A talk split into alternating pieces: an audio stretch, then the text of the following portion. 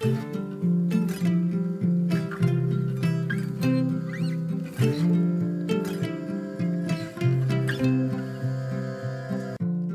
och välkommen till For Health med Anna Sparre! Idag så pratar vi graviditet med den populära sjukgymnasten och experten Marcus Greis. Vi kommer att prata både vad som händer under en graviditet och efter en graviditet med kroppen, vanliga besvär och vad man kan göra åt det. Vi kommer att prata foglossning, delade magmuskler, inkontinens, värk och så vidare. Och dessutom, hur kan man förbereda sig inför en förlossning på bästa sätt? Om du gillar den här intervjun så blir jag så glad om du vill dela med dig av den på Facebook, Instagram eller till en vän. Och gå in i iTunes och lämna en recension av podcasten. Det gör det lättare för mig att få hit intressanta intervjupersoner. Stort tack på förhand! Glöm inte heller att boka mig som föreläsare till ditt event. Jag föreläser både för företag, föreningar och privata grupper. Och om du är nyfiken efter det här avsnittet så hittar du mer information på forhealth.se. Marcus Greus är experten på postural träning som vi pratade med i avsnitt 176. Så vill du lära dig mer eller veta mer om honom, så lyssna på det avsnittet. Vi gör nu flera kortare avsnitt med Marcus, där vi tar oss an vanliga hälsobesvär som du kan komma till rätta med genom att titta på orsakerna i din egen kropp, i din egen hållning och i din anatomi.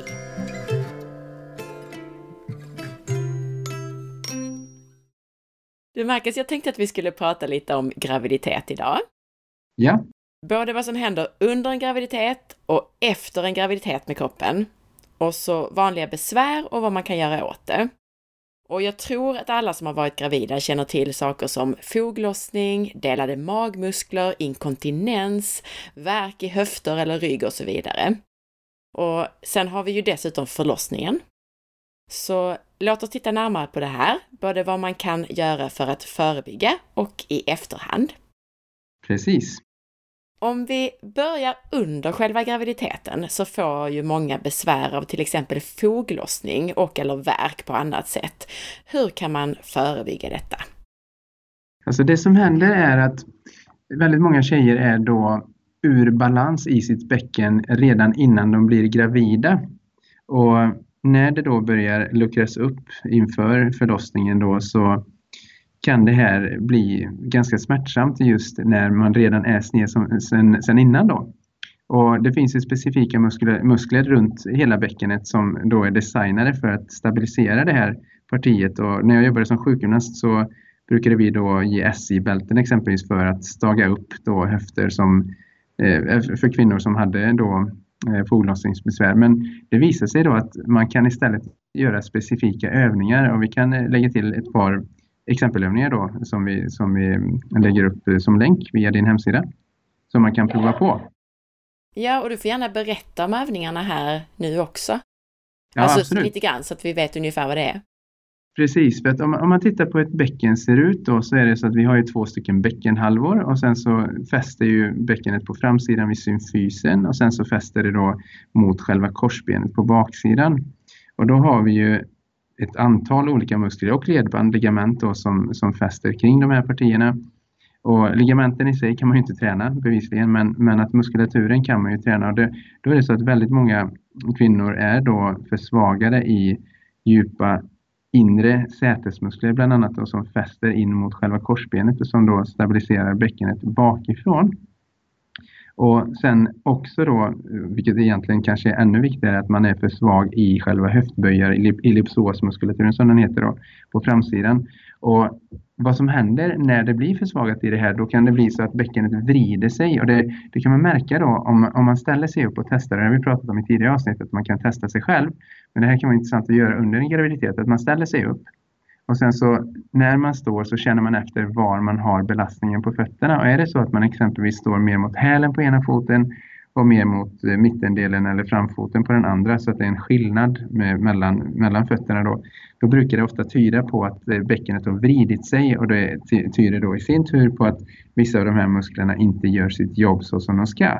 Och det här kan då leda till smärta. Och då tror man ju traditionellt sett att det, det, smärtan kommer av själva foglossningen i sig, men det behöver alltså inte vara så för att det är inte så att fogarna är mindre uppluckrade efter vi har gjort de här övningarna. För vi har alltså kunder som kommer in och som har jättemycket besvär när de kommer in genom dörren och kan gå ut utan sin krycka till och med som de kan komma med i värsta fall. Då. Och, och, och åtminstone att de har svårt att gå, många av dem. Och då, då när vi går in och gör de här övningarna så får vi musklerna i balans och de har fortfarande uppluckrade höfter, bäcken som du förstår eh, naturligtvis. Det är inte så att det återgår, för det ska ju vara uppluckrat för att man ska kunna genomföra förlossningen då. Men att man ändå är stabil i det här då. Det är det som är det viktiga. Men när du säger så att bäckenet är vridet, menar du då att till exempel att ska vi säga, högersidan sticker fram lite grann jämfört med vänstersidan? Att det är vridet runt lodplanet eller vad man ska kalla det för? Ja, ja, nej, egentligen inte, utan det är mer så att om man tänker sig att man tittar på bäckenet bakifrån, man står alltså, om man tänker sig att man står bakom en, en person då, så, så står man och tittar i höjd med bäckenet, så är det så att ena bäckenet är tippat, alltså som, som att eh, det är framtippat ena bäckenhalvan så att man svankar bara på ena sidan om du, om du tänker dig. Eller att man, att man är bakåttippad, att man planat ut svanken på ena sidan bara. Det är det vi pratar om nu. Vi pratar om, det är bäckenskillnad kallar vi det här egentligen. Sen finns det också ett, ett tillstånd där, där man kan vara roterad i bäckenet och det är det du pratar om precis. Då, att man, när man står upp så ser man att ena höften är längre fram än den andra. Då.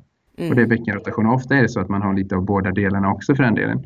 Men problemen brukar vara som värst när man har den här bäckenskillnaden, det vill säga att man är mer svankig eller mer plan på ena sidan, det vill säga ena bäckenhalvan har vridit sig framåt eller bakåt och då, då blir det alltså en ökad anspänning kring SI-lederna bak till och eh, även fram till så man kan få ont i ljumskarna, det, det här klassiska som, som kan bli att det gör väldigt ont framåt ljumskarna plus att det då också gör ont bak till och strålar ut åt sidan i höfterna. Då.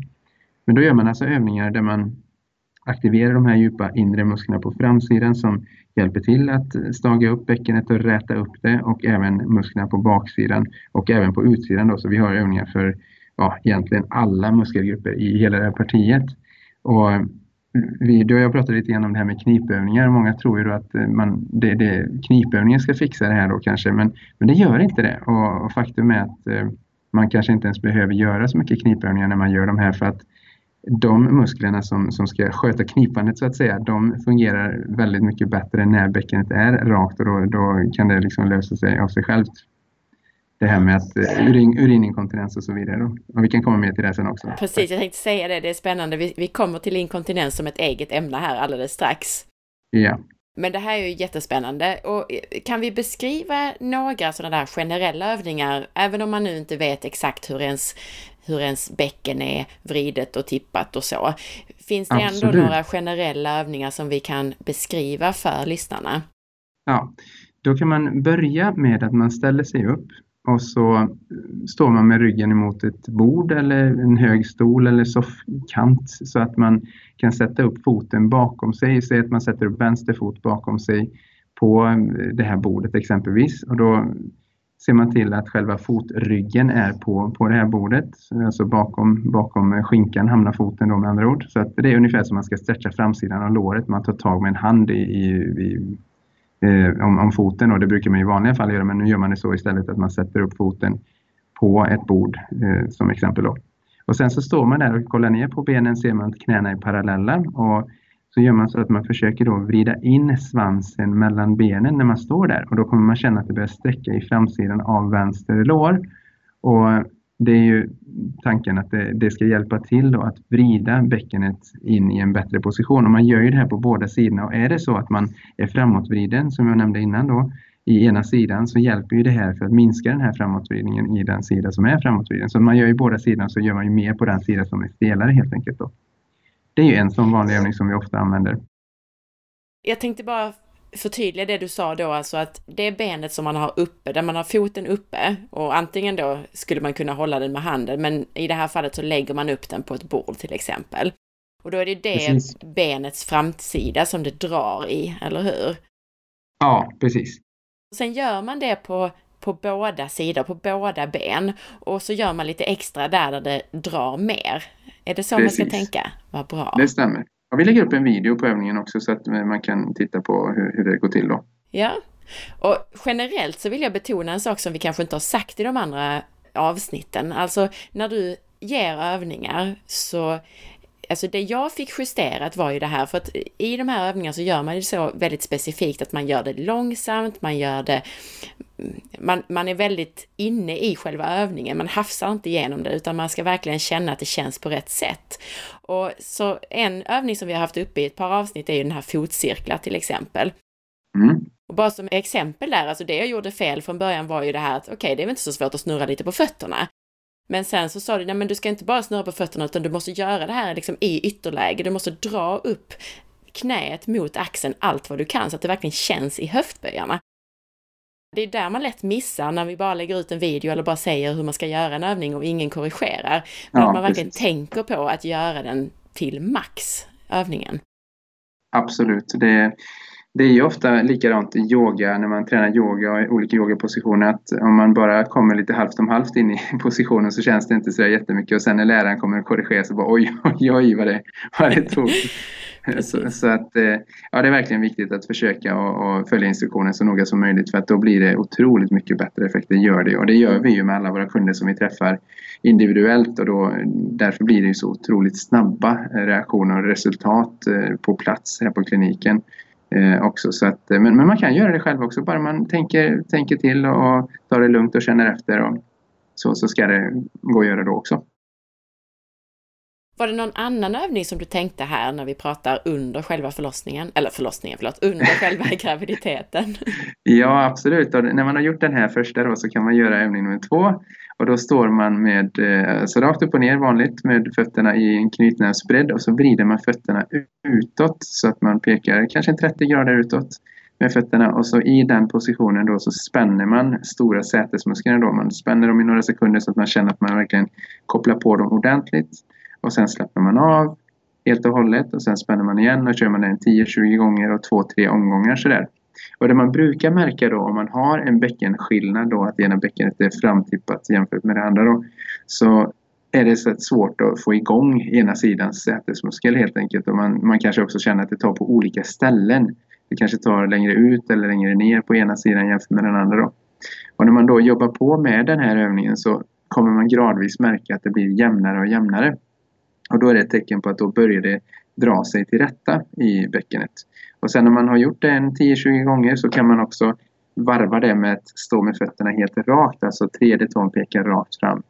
Och så gör man 10-20 repetitioner där och sen så växlar man alltså mellan utåtvriden fotposition och rak fotposition i ett par, tre omgångar. Ah, 10-20 repetitioner i varje. Eh, där är också en sån som övning som då börjar räta till det bakifrån sett. Sen kan vi lägga till ytterligare en, men vi, ja, Precis, jag tänkte bara säga om den övningen då. Det man ska tänka då är att man kniper ihop skinkorna liksom.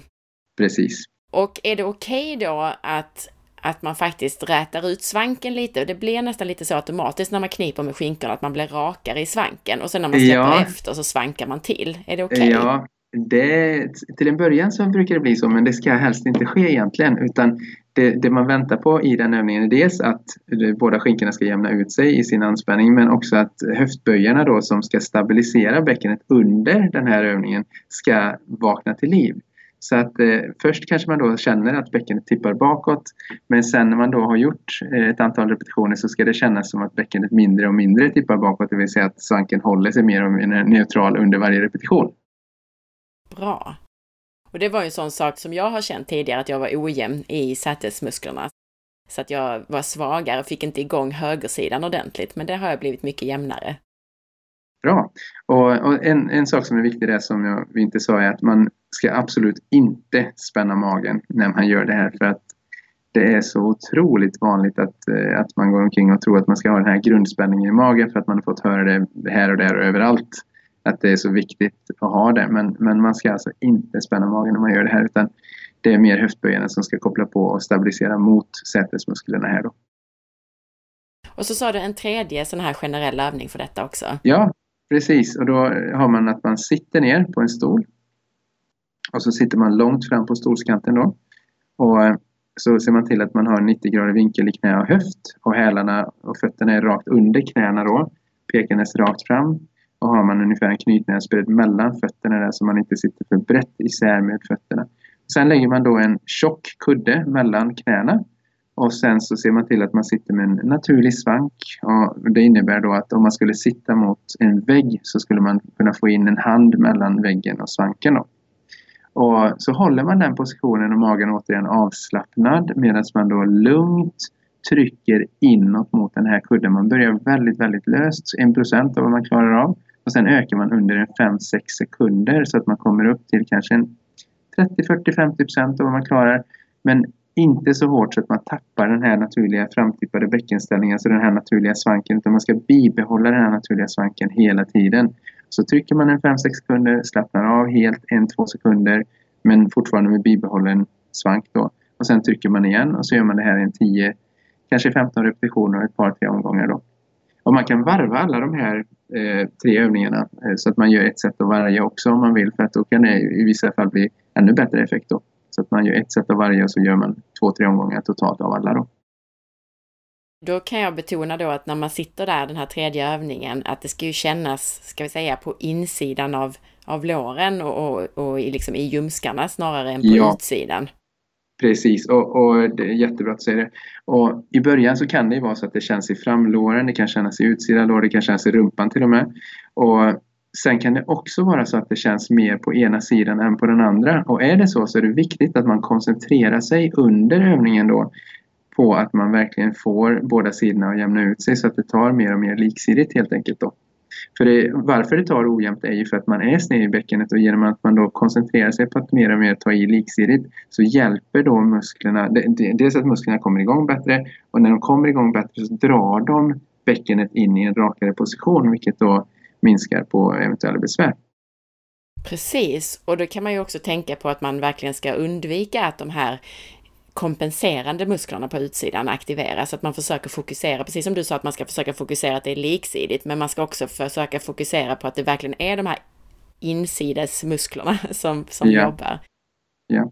Och ett tips som du gav mig också var ju det att är man då ojämn så kan man ju faktiskt försöka ta i ännu mer med den sidan som är svag så att den får jobba mer än den andra till och med. Precis. Så länge man inte vrider sig så att benen faller åt sidan och så samtidigt då, utan man ändå håller sig rak så att knäna håller sig rakt fram så att säga från, från höfterna. Så man inte ja. Jag tänkte på det, det finns ju en variant av den här övningen om man tycker det är svårt och, och är väldigt svag här, att man ligger på ryggen på golvet med böjda ben och, och trycker ihop en kudde. Absolut, det kan man också göra. Och det, då ligger man också med neutral svank och man ska alltså då få kunna få in en hand mellan, mellan svanken och golvet så att man inte ligger platt. För många har fått lära sig det här att man ska plana ut svanken när man gör övningar och man spänner mage och så vidare. Då. Men man ska alltså eh, ha en naturlig svank för att det här ska fungera på bästa sätt. Det, fi det, finns en ytterligare övning som jag kommer att tänka på nu också som, som vi skulle kunna beskriva där för, för att då kommer vi åt det verkligen på alla håll och kanter. Eh, har vi tid för det? Absolut.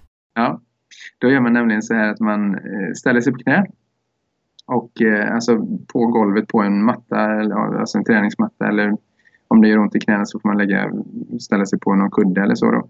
Och sen så överkroppen är upprätt om man står på knä och har ungefär en knytnävsbredd mellan knäna då. Och sen så lägger man då en kudde mellan fötterna. Alltså mellan fötterna, inte mellan knäna nu. Och framförallt mellan framfoten då. Ibland kan det vara så att man kan kanske hitta en skolåda eller eh, någonting. För det kan vara svårt att få den här kudden att eh, hålla sig mellan fötterna. Då. Men om man hittar någon bra fast kudde så kan det funka bra ändå. Då. Och, och sen så ska man då trycka med insidan av fötterna inåt mot den här kudden. Eh, framförallt stortådelen av, av insidan av foten då, som trycker inåt mot kudden. Och så börjar man väldigt löst återigen på samma sätt som förut. Och så ökar man då under 5 till 10 sekunder till och med här så att man gradvis då känner att det börjar aktivera djupt, djupt inne i sätesmusklerna. Och nu pratar vi alltså inte de ytliga sätesmusklerna som vi tog i den förra övningen utan det här går alltså djupare och det är piriformis och, och eh, andra eh, heter de här musklerna då. Eh, men piriformis är huvudmuskeln som vi vill komma åt här då och den hjälper då till att balansera eh, och stabilisera själva korsbenet som ofta har hamnat på sniskan då om man har problem bak till vid SI-lederna. Och då gör man så att man trycker en 5-10 sekunder, slappnar av helt och hållet en, en 2 sekunder och så repeterar man en 10-15 gånger och 2-3 omgångar igen. Då. Och då är det ofta så också att man vill spänna sig i magen och den ena sidan spänner sig mer än den andra. Och då får man ju försöka jämna ut det precis på samma sätt som i de andra övningarna. Då. Perfekt, och då ska jag också förtydliga den, det du sa med att man, man står på knä och man har ju rumpan uppe så att säga. Man sitter inte med rumpan mot hälarna utan man, man står upp med rakt bäcken kan man säga. Precis, så, så, från sidan sett så är ju underbenen är ju parallella med golvet och sen, sen så är det ju en rak linje så knä, höft, axel, huvud är ju liksom upprätta där. Precis, och sen har man en vanlig neutral svank och, och avslappnad mage. Och Exakt. sen när man då trycker ihop, och jag kan tipsa om att det, en mjuk boll är enklare nästan att trycka ihop än en, än en kudde med fötterna. Och då ska det kännas långt inne i rumpan, djupt in i skinkorna så att säga. Långt, djupt inne i skinkorna, alltså innan, långt innanför de yt, ytliga sätesmusklerna. Då. Och där är också vanligt att man är ojämn har jag förstått. Så att eh, det gäller att ta i lite extra med den sidan där man är svagast. Precis, och här, här är det också då viktigt att man tar i tillräckligt länge för många känner att men jag känner inte så mycket när jag gör det här. Nej, det är för att du har inte tagit i tillräckligt länge i övningen och att du kanske behöver ta i lite hårt, alltså öka trycket mer och mer och mer. Inte så att det gör ont, det ska man aldrig göra. Men ändå att man ökar under de här 5 till 10 sekunderna till och med och så ger det tillräckligt många gånger. För att när man väl gör den här, den är jätteskön den här övningen. Den ger en fantastiskt djupgående effekt och balanserande stabiliserande effekt för eh, bäckenet då när man får till den på rätt sätt. Men det är ofta bra då att göra den i kombination med de andra. Men det här är, det här är fyra sådana övningar som vi, som vi oftast använder då när man har den här typen av problematik. Och sen kan man ju behöva göra lite annat också naturligtvis men att de här brukar ge jättefin effekt. Tusen tack Marcus, vad bra! Är det någonting annat som man ska tänka på under själva graviditeten? Sen tänkte jag vi ska gå över till förlossningen nämligen. Ja, generellt sett så ju längre man går i graviditeten desto, desto mindre övningar ska man göra där man separerar höfterna stort. Så utfallssteg och, och sådana här saker ska man undvika då för att då, då sätter man ju så stor press på höfterna när de är uppluckrade. Då. Så att eh, man vill hellre göra övningar där man tar i mer liksidigt. Knäböj går ju bra, framåtfällningar och sådär men inte för mycket eh, sådana övningar där man separerar höfterna för att det sätter för stor stress i onödan. Då. Hur ska man tänka på övningar för alltså mage och så, just eftersom magen är stor? Är det någonting man ska tänka ja. på där? Ja, absolut.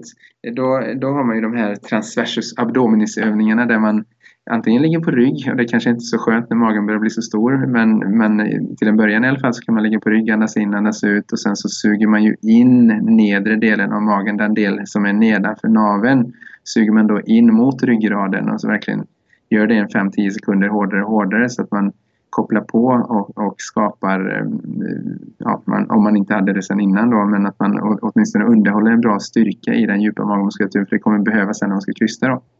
Och så håller man det i 5-10 sekunder som sagt och så repeterar man ett antal gånger. Det finns ju, vi kan lägga ut en beskrivning på det också, men, men där har vi en sån övning som är viktig att göra. Så man, det är inte sit-ups som gäller här nu, utan alltså crunches och sånt där som man kanske gör på gymmet annars, utan det som är viktigt nu inför en förlossning är mer att man håller igång de djupa inre magmusklerna då. Eh, och eh, sen så kan man även stå på alla fyra. Om det är svårt att ligga ner på rygg så kan man stå på händerna och knäna. Katt och hundposition kallar vi den då. Och då gör man på samma sätt. Man andas in, andas ut och när man är färdig med utandningen så suger man in nedre delen av magen mot ryggraden så att man riktigt känner att man kopplar på de här djupast liggande eh, magmusklerna på det sättet också. Då. Så det, det finns lite av, mer avancerade versioner på det men det är, det är en en grund, eh, ett grundsätt att göra eh, den här övningen på. Då. Jag får ofta frågan om plankan, därför att det är många som gör den när de inte är gravida och så undrar de, kan jag göra den när jag är gravid eller är det för stor belastning på magmusklerna? Ja, alltså det kan man. Ja, känns den okej okay att göra så kan man absolut göra men det är det att eh, plankan görs nästan alltid fel. Det är därför jag skrattar. Vi, vi, vi hade utbildning här i förra helgen där vi hade en steg 4-utbildning där vi går igenom tuffare egenkroppsstyrkeövningar och därav eh, Eh, är ju plankan en av de övningarna. Så fick eh, deltagarna då göra den på det sättet som man brukar göra den. Och sen gjorde vi den på det sättet som vi gör den där vi verkligen släpper ihop skulderbladen och får får eh, ja, positionera oss på ett lite annorlunda sätt som gör att man får en oerhört mycket mer kraftfull effekt på den djupa, djupast liggande magmuskulaturen. Då. Eh, och så, men, men det var en parentes. För man kan absolut göra plankan om man vill. Eh, om det känns, känns bra att göra den. Men det, det, är ännu bättre sen när man kan göra den på ett, eh, på ett bättre sätt. Och då det, det, det, kan vi prata mer om en annan gång. Ja, jag tänkte säga, vi ska göra nämligen ett avsnitt om styrketräning, gymträning och så. Och då kan vi ju passa på faktiskt att visa hur man gör ja, just plankan rätt. Det kan vi göra då. Ja, precis. Mm, det kan vi göra. Mm.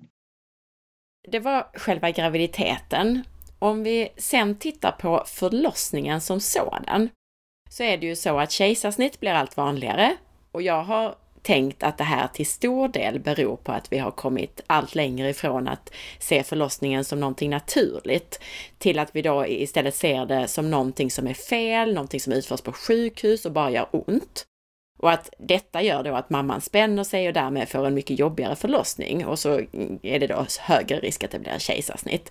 Men du gav mig lite andra insikter kring det här med kejsarsnitt som har mer att göra med vår anatomi och hur vi är tränade. Kan du berätta om det? Ja, alltså, det bygger ju på precis det vi har pratat om nu. att det, Idag så är vi, alltså både killar och tjejer, alldeles, alldeles för svaga i våra höfter, vårt bäcken och djupa ländryggsmuskulaturen. Då. Och vi, vi, är så, vi har hamnat så pass ur fas att vi klarar inte längre en normal förlossning. Och ehm, när vi då träffar kvinnor, och jag har haft många kvinnor som har kommit och fått, varit med om en förlossning och det har varit jättejobbigt och, eller till och med fått göra ett kejsarsnitt. Och sen så har de då börjat med de här övningarna där vi har verkligen stärkt upp dem ordentligt inifrån och ut med bland annat de här övningarna som vi har beskrivit nu. Och så har de genomgått sin eh, nästa förlossning då, eh, fått sitt andra barn och inga problem alls. Och, alltså verkligen på riktigt. Det, det är det är, eh, det är inget konstigt med förlossningar. Det, och det, jag tror inte alls det har något med sjukhus och annat att göra. Jag tror det har mer att göra med att vi har blivit för svagare i de här musklerna som, som ska då hålla ihop det hela. Och eftersom inte de funkar så blir det svårare och svårare för kvinnor att, eh, att genomföra en normal förlossning helt enkelt. Så det är inte svårare än så. Nej, och det var ju, alltså för när jag kom in på förlossningen så sa barnmorskan, oh du är jättevältränad, gud vad skönt, det kommer gå hur bra som helst. Så tänkte jag, vadå vältränad? Alltså jag menar, alla, alla kvinnor kan väl föda barn, tänkte jag. Men mm. Eh, det, du, du, fick mig att ändra min syn på det där. Mm. Och, och, det är inte, alltså vältränad behöver inte heller bara betyda att man har alltså, ytligt vältränad muskulatur. För det, det kan vara många som tror sig vara vältränade. Men så visar det sig att de är rejält ur balans, att de är alldeles för vältränade i musklerna och ytliga rygg, ryggmusklerna, ytliga sätesmusklerna och så vidare då, men inte alls har den här riktiga stabiliteten i de här djupast liggande musklerna som vi pratar om. Och det är de som är designade för att stabilisera bäckenet under förlossningen. Och funkar inte det så spelar det ingen roll hur vältränad du är i ytliga lagret och därför kan även så att säga vältränade kvinnor ha problem. Alltså som, som tror att de är vältränade. Och jag hade ju mycket väl kunnat vara en sån person eftersom jag, eh, jag är ytligt vältränad, men jag hade ju massor med obalanser. Men förlossningen gick bra i alla fall, så det var ju tur. Ja, ja. men jag tänker så att de som, de som kanske tänker att jag är vältränad ändå hade problem, så att de fattar också då. Mm. Att, att det är obalansen, obalansen där. Inför sin förlossning då, för att förbereda kroppen på bästa sätt, är det just de här övningarna som vi beskrev innan, för, som man gör under själva graviditeten? Eller finns det andra övningar som är viktiga för att förbereda sig för en bra förlossning? De här är ju väldigt viktiga naturligtvis eftersom de stabiliserar bäckenet generellt då runt om. Sen finns det ju flera övningar för att det kan ju naturligtvis vara så att man är mer ur balans och nu tog vi ju bara några vanligt förekommande så, så att det kan ju vara att man behöver mer individuell hjälp naturligtvis också. Men att börja med de här, dels de här för höfterna och sen för magmuskulaturen, då kommer man väldigt långt. Och sen också det här med om man får ont i, i fogarna så där, när man är ute och går exempelvis. För att man kan ju ha ont när man sitter, när man står, när man går och sådär. Och får man ont när man går så kan det ofta hänga ihop med att man eh, älgar fram med för långa steg så att säga. Så att man tänker på det att när man, när man har fogar som, som börjar luckras upp så, så är det ju viktigt då att man inte tar för långa steg för då, då får man så stor belastning på en sida i taget och det sätter onödigt stor belastning och man ska ändå inte gå med långa steg någonsin egentligen. Om man tittar på naturfolk och ser hur de rör sig så ser man aldrig att de går med så att säga älgakliv som många västerlänningar gör. Utan de går ju väldigt mjukt och och lite kortare steg då. Så att det, det är också ett sånt tips att inte gå med för långa steg. Men då menar du i alla fall att de här övningarna som, som också motverkar verk under själva graviditeten, de gör oss också starkare inför förlossningen? Ja, ja absolut. Absolut, det är det som är tanken. Och, och så. Låt oss då titta på vad som sen händer efter graviditeten och förlossningen. Väldigt många får ju besvär med värk och personligen så, jag var säkert lite sned innan graviditeten, men jag blev betydligt snedare i höftpartiet efter, efter förlossningen så att säga. Så berätta lite om det här, hur allt läker ihop och vad man bör tänka på för att inte få besvär. Det, det är ju det att de här personerna som får besvär efteråt, då har de ju haft en obalans, en snedhet innan och sen så luckras det upp. Man genomgår själva förlossningen och sen när då bäckenet ska läka ihop igen och allting ska liksom lägga sig i rätt position så gör det ju tyvärr inte det. Och det, här, det, det, kan till och med lägga sig ännu mer snett eftersom förlossningen kan ju vara ganska så tuff för kroppen då. Och då kan det vara så att om det var lite halvt om halvt snett så blir det rejält snett så att säga efteråt. Och det, och det är därför man då kan få ännu mer ont samtidigt som man då kanske är lite förslappad i, i både e, ena och andra muskulaturen. Då. Så att eh, detta är egentligen det som händer. Det, det, det, att det blir mer obalanserat helt enkelt. Och, och, när kvinnor då kommer till oss efter en förlossning och har fått eh, rejält ont, då, då går vi bara in på samma sätt och, och som vi alltid gör när vi tittar på är bäckenet vridet på något sätt? Är det, är det, finns det en framtippning eller bakåttippning på ena sidan? Och så tittar vi då på vilka övningar vi behöver göra baserat då på hur det är vridet. Då. Ofta kan det också vara så att som vi har pratat innan om att det, de står lite snett med en fot så att vi behöver jobba med fotens position och knäts position och kanske axeln också. En annan sak som man kanske inte tänker på är att när man då väl har fått det här barnet så börjar man ju amma och hur, vad händer med hållningen då? Då börjar man ju sitta snett också. Man, skjuter, man, man, man bär dem på ena höften och, och, och sen så kanske man skjuter fram ena axeln i och med att man håller barnet. Då. Och det här i sin tur när axeln hamnar i position så förvärrar det bäckenets position. Så att man kan få mer ont i bäckenet på grund av att axeln har hamnat i position på grund av att man går och bär på barnet. Så att det är det här som kan då göra att det blir sju resor värre då.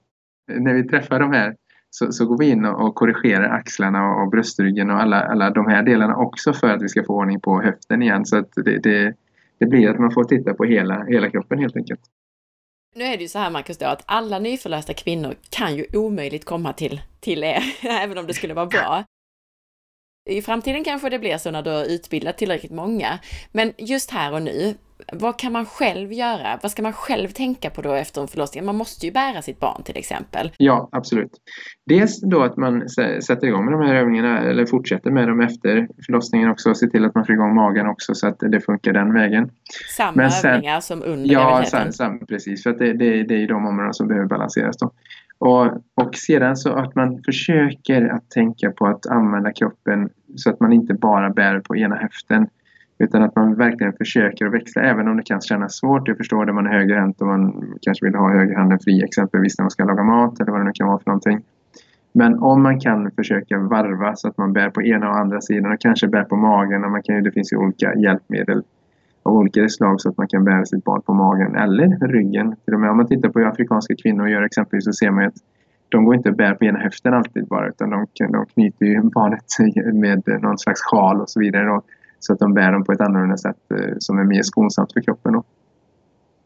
Så att försöka variera hur man, hur man använder sin kropp då efteråt och hur man bär barnet. Mycket bra. Och så göra de här övningarna som vi pratade om. Precis. Är det någon övning som bör tillkomma eller är det fortfarande bra grundövningar, de fyra? Det är, det är bra grundövningar, det är det. det. Det är väl sen i så fall ifall man ska gå in och titta på övningar för överkroppen. Eh, men eh, ja, det, det, det kan vara lite individuellt det där. Så att, eh, det blir kanske lite det, överkurs där. Ja, jag menar det då, då, då hamnar vi i ett läge där vi får verkligen lägga ut rätt många olika övningar. Och då, jag tror det kan vara lättare. Ja, precis. Börja med dem som... Ja. Vi börjar ja. med dem, ja. Precis, precis. Vi kommer ju göra fler avsnitt, så det kommer säkert komma övningar som passar både för nyförlösta kvinnor och gemene man. Ja, absolut. Och vi, vi kommer att titta, jag tänker om vi ska prata lite mer om nackeskulder och så kan vi ha lite övningar för det och då kan man, då kan man använda övningar därifrån exempelvis. Och sen kommer det här ämnet som du hade, redan hade på tal här i början av avsnittet och det är ju det här med inkontinens som många får problem med efter en graviditet. Och så får man, precis som du sa, man får i uppgift att göra knipövningar, men för många så räcker inte det här. Så berätta lite mer om inkontinens och vad man kan göra åt det. Alltså det, vi har ju många som söker sig till oss egentligen då kanske för att de har ont i höfterna, bäckenet och så vidare. Men sen så framkommer det ju under intervjun då att det faktiskt är ett problem.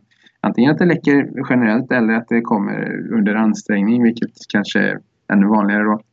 Och eh, då har de ju, precis som du säger, gjort massor med knipövningar Jag tänker att det är det som borde, borde då hjälpa. Men det vi har sett är att det kan till och med förvärra problemet för att man, man kniper så mycket så att man, man blir jättespänd och generellt försämrar flödet och cirkulationen till det partiet. Och åtminstone så brukar det inte hjälpa i alla fall hela vägen då. Och sen när vi går in och tittar på dem så ser vi typiskt att de som har problem med urininkontinens, de har det sneda bäckenet. På något sätt så har det satt sig snett helt enkelt. Och då går vi in precis på samma sätt och tittar på vad är det som har blivit snett och sen så gör vi övningar för det. Det kan vara vissa av de övningar som vi har pratat om redan eller så kan det vara andra övningar också för den delen. Och när vi då får bäckenet hamna rätt så är det men det som händer är att helt plötsligt så börjar ringmuskeln och det, muskulaturen i bäckenbotten börjar fungera så att de kan knipa tätt. Inte tack vare att de har tränat knipövningar utan tack vare att de andra musklerna runt omkring gör sitt jobb så att de låter bäckenbottenmusklerna göra sitt. Så att alla är beroende av varandra. Och vi har varit med om det hur många gånger som helst genom åren nu. Där kvinnorna har berättat eh, sen efteråt, åh förresten, jag har blivit av med min urininkontinens också. Jag blev av med ryggsmärta, min bäckensmärta, min foglossningsproblematik. Men också det här. Och det genom, kanske egentligen var ett större problem men de kunde inte med ens berätta det för att det kan tyckas jobbigt så. Och även kvinnor som har haft framfall och problem med detta som, som har gjort massa övningar för det har kunnat bli av med de symptomen också. Så att, eh, det är väldigt spännande. Det är inget som, ingenting som vi hävdar att det här, det här hjälper för det men, men vi har haft personer som har rapporterat att de har upplevt att de har blivit av med den, den typen av symptom också. Och det kan ju vara nog så jobbigt. Precis, du berättade ju om ett exempel för mig innan intervjun här om just framfall och en enorm förbättring där, så det var ju jätteintressant att höra. Vad skulle du säga om knipövningar? Ska vi ändå göra i tillägg till de här övningarna ja, som absolut. du rekommenderar? Det tycker jag definitivt. Jag tycker absolut att man ska göra knipövningar men att man behöver kanske inte göra det så mycket som man tror. För att eh, om man gör, har gjort en massa och tycker att men nu borde det väl ändå räcka. Jag har gjort det i tid och otid och dag ut och dag in och ändå händer det ingenting. Det, det ska funka fort. Det, alltså, det som du vet Anna, när du har provat posturalövningarna här, det, det, går ju fort att få effekt. Och jag menar, har man hållit på i några veckor med knipövningar men fortfarande inte har fått ordning på sin inkontinens, då är det tecken på att det är annat som är ur balans. Så att eh, man förstår det så att det ska inte behöva tränas i månader för att det ska börja fungera. Sen finns det väl fall också där det är så pass grava, ska vi säga, eh, skador i underlivet att inga övningar alls kan hjälpa om man inte får det. Ja, självklart är det väl så också så att det, det är inte så att eh, det alltid fungerar men det fungerar fantastiskt ofta. Jag har haft eh, kvinnor som också har varit på väg att operera sig men det har blivit så mycket bättre. Så att det, det, men, men det, nu pratar vi om de här mer generella fallen i första hand. Alltså de här. Och det skadar ju inte att testa det här. Alltså det är ju, Nej, herregud. Det är ju ganska mycket enklare än att gå och operera sig så att säga. Absolut, absolut. Jag tänker en sista sak här då som jag får väldigt mycket frågor om. Det är ju det här som också händer under och efter en graviditet, att magmusklerna delar på sig, eller de här ytliga magmusklerna delar på sig för att lämna plats åt magen. Mm. Och hur ska man tänka kring delade magmuskler? Ja, alltså det, det första är ju att man ska ju inte gå på och göra en massa situps, alltså crunches och sådär för att då förvärrar man problemet. Så att man, de första månaderna så medan det håller på och, och eh, läker då så ska man ju mest träna med den här typen av övningar som jag nämnde innan. Att man andas in, andas in, andas in, andas ut och suger in nedre magen och, och jobbar den vägen för att hjälpa kroppen att få ihop det hela. Och sen är det återigen så att för att magmuskulaturen ska fungera så måste höfterna och de djupa höftmusklerna som vi pratat om fungera. Då kan man exempelvis träna på den här övningen när man sitter på en stol och trycker på en kudde. För att det stärker den muskulaturen på ett väldigt effektivt sätt. Så att om man tänker sig ett par övningar som man kan jobba med mer specifikt om man har problem med delar i magmuskeln så är det sittande kuddtryck och sen de här andas in, andas ut och suga in magen. Då. Det här var en, en bra start. Sen, sen, kan man gå in och, och, behöva titta lite mer specifikt på det också men att eh, det är någonting att börja med i alla fall. Men man ska alltså inte göra en massa sit-ups och sådär för att då, då kan det bli illa. Man ska inte heller göra en massa kobra alltså, som i yogan att man böjer ryggen bakåt, sträcker ut magen för mycket och sådär utan man ska hålla magen i närmare neutral position under tiden som det håller på att läka så att man inte går ut i för mycket ytterlägen och sträcker på det i onödan. Då. Och då vill jag lägga till ytterligare en sak. Återigen det här med att man kan ta i, i de här enkla övningarna så kan man verkligen ta i, alltså suga in nedre delen av magen. Det kan man göra ordentligt så att det känns. Ja, absolut. Absolut. Och sen, sen kan man ju då, så det finns ju att man kan lyfta benen och det, man kan lägga på mer belastning i dem. Det finns ju mer avancerade versioner än det vi beskriver nu, men det här är ju liksom, det här är starten. Och det är en jättebra start, bara det att hitta de där musklerna igen som man kanske har glömt bort. ja, absolut. Vad fint Marcus! Tusen tack för alla de här tipsen för gravida och eh, postgravida kanske vi ska kalla dem för. ja, precis. Tack själv. Det är jätteroligt att, att få prata om de här bitarna för att det, det är så otroligt viktigt och det är så många eh, jättemånga verkligen där ute som, som går och har stora, stora problem med det här och, och är ängsliga inför förlossningen exempelvis. Och det, det ska man inte behöva vara utan det, ska, det här ska ju vara en fantastisk tid där man ska njuta av graviditeten och, och just att man ska få sitt barn och, och, inte behöva vara rädd för det. Och, eh, jag kan nämna vår, vår marknadsförare Petra och, och jag vet att jag får nämna det hon, hon hade jättestora problem innan med sin förra eh, förlossning och med sin förra graviditet. Hade jättemycket besvär med sitt bäcken och fick nu barn eh, andra gången i höstas och har gjort då massor med övningar här i och med att hon jobbar ju här hos oss och, och har gjort mycket övningar och blivit riktigt stabil i bäckenet och hade i princip inga problem överhuvudtaget varken med graviditeten och eller sen under förlossningen för förra gången var hon tvungen att genomgå ett kejsarsnitt. Då. Och, och denna gången funkade det med normal förlossning utan några som helst problem och hon var ju själaglad över detta naturligtvis. Fantastiskt, jättebra. Och jag ska också tipsa om att det finns faktiskt ett podcastavsnitt som heter Föda utan rädsla som också är väldigt bra för att förbereda inför en förlossning. Kanske inte så mycket eh, muskulärt utan snarare mental förberedning.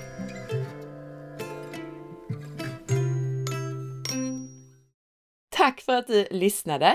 Jag hoppas att du gillade intervjun. Och om du gillade podcasten så glöm nu inte att dela med dig. Missa inte heller att följa med på facebook.com forhealth.se och på Instagram via signaturen asparre. Veckans recension i iTunes är från Kajsa83 som skriver Femstjärnig podd! Tack för en bra podd med massor av intressant information som man annars inte hade kunnat ta del av så lätt Inspirera till att prioritera hälsan. Tusen tack för din recension! Ha nu en riktigt fin dag så hörs vi snart igen. Hej då!